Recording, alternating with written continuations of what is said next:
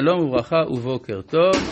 שואל ראשון, שלום הרב, רואים שיעקב באופן מובהק מעדיף את הצעירים יותר מן הבנים, גם אפרים, גם יוסף. האם זה לא נראה כאילו הוא מצדיק בדיעבד את החלפתו, את עשיו? אפילו מדגיש שיודע כשכבדו עיניו, כאילו גם יצחק ידע. איך קביעות, קביעות אלה נשארו לדורות אם זה כך, ורב יעבוד צעיר גם פה? שאלה מעניינת, אבל התורה אמרה שלא לעשות את זה. כלומר, כשהתורה אומרת לא יוכל לבקר את בן האהובה על פני בן השנואה הבכור, זה תיקון של הדבר הזה. זאת אומרת שלתורה יש ביקורת על הדבר הזה כהנהגה קבועה. אצל יעקב ודאי שיש לזה מקום. האם מותר להוריש ירושה לבנות או רק לבן? זו שאלה ששייכת להלכות ירושה. ש... שואל יגאל, שלום הרב, למה דווקא הבנים של יוסף זכו להיכנס ל-12 השבטים, ולמה דווקא הם זכו לברכה מכל הנכדים? פשוט, כי יוסף הוא הבכור, הוא הבכור העקרוני. זאת אומרת, כיוון שיעקב רצה לשאת את רחל, אז בעצם בכוונה שלו, הבן של רחל הוא הבכור.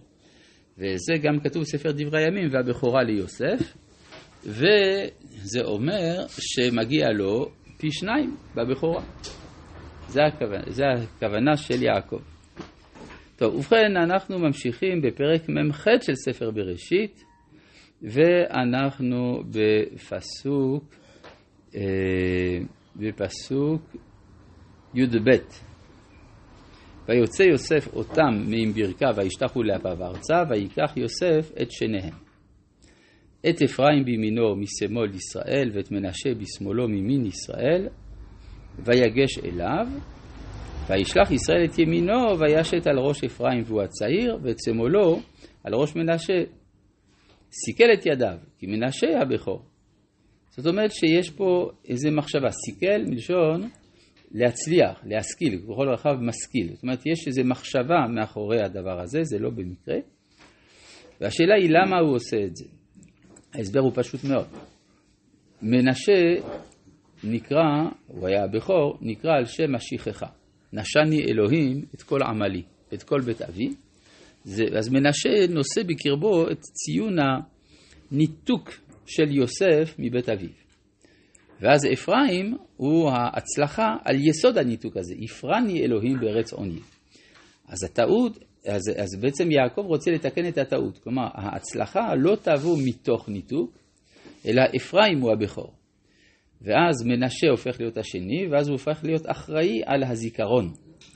כפי שמצאנו שכאשר בני גד ובני ראובן מבקשים להתיישב בעבר הירדן המזרחי, ואז יש סכנה שהם ישכחו את שייכותם לשבטים שמעבר הירדן המערבי, אז משה נותן גם את חלק מעבר הירדן לחצי שבט המנשה, כדי שיהיה משבט מנשה גם ממזרח וגם ממערב, כדי לחבר.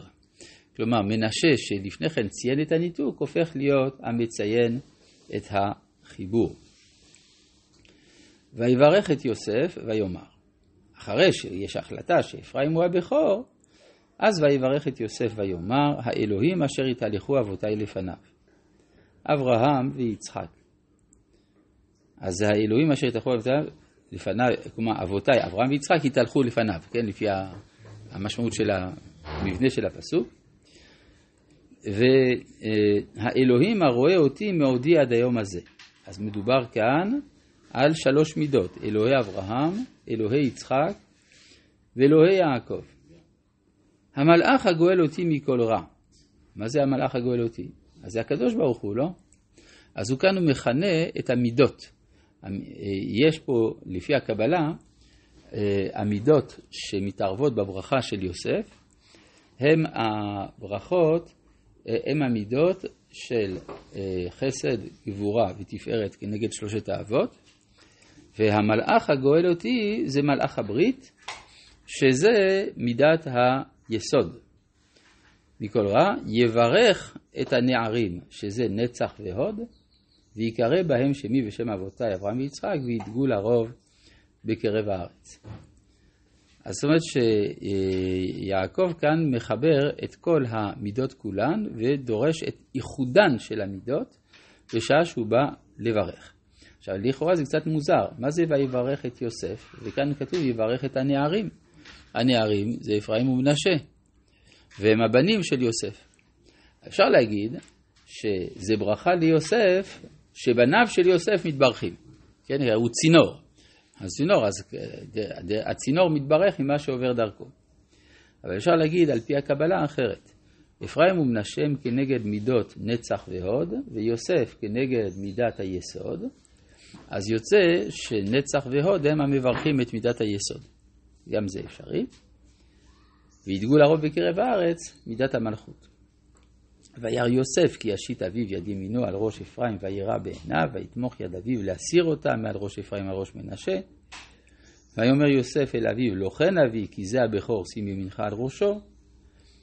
וימאן אביו ויאמר ידעתי בני ידעתי אני יודע מה שאני עושה בקיצור גם הוא יהיה לעם וגם הוא יגדל. כלומר מנשה יהיה לעם ויגדל. זאת אומרת שגם הוא העמיד מלכים, יהוא בן נמשי למשל הוא משבט מנשה, מחשובי המלכים שהיו בעם ישראל, ואולם אחיו הקטון, כלומר אפרים, יגדל ממנו וזרעו יהיה מלוא הגויים, כלומר יהיה גדול מאוד.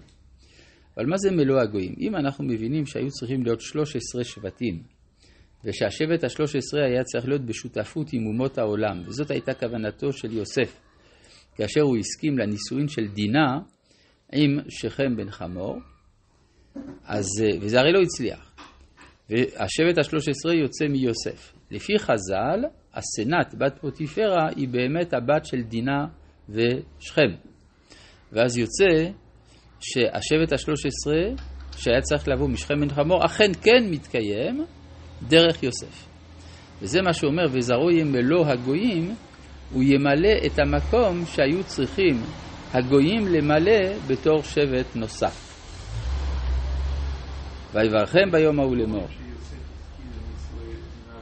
יעקב, יעקב הסכים. כן, יעקב הסכים. כן, ויברכם ביום ההוא לאמור, בך יברך ישראל לאמור, ישמחה אלוהים כאפרים וכמנשה, וישם את אפרים לפני מנשה, ולכן עד עצם היום הזה נהגו האבות בחלק מהמקומות לברך את ילדיהם במשפט הזה. אצל אחינו האשכנזים למשל, אז נוהגים שבליל שבת, אחרי הקידוש או לפני הקידוש, מברכים את הילדים ואומרים להם ישמחה אלוהים כאפרים וכמנשה. אצל האחינו הספרדים מברכים בסתם יהי רצון יפה כזה אחרי ההבדלה או לפני ההבדלה. ויאמר ישראל אל יוסף, הנה אנוכי מת.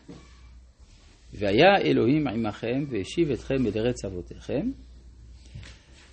ולכאורה הוא אומר אנוכי מת, זה סותר את מה שחז"ל אמרו, יעקב אבינו לא מת. הנה אומר אנוכי מת. הכוונה שהוא חשב שהוא ימות, אבל באמת הוא לא מת. כן? כשאנחנו נגיע לסוגיה של מותו של יעקב, נדון בזה.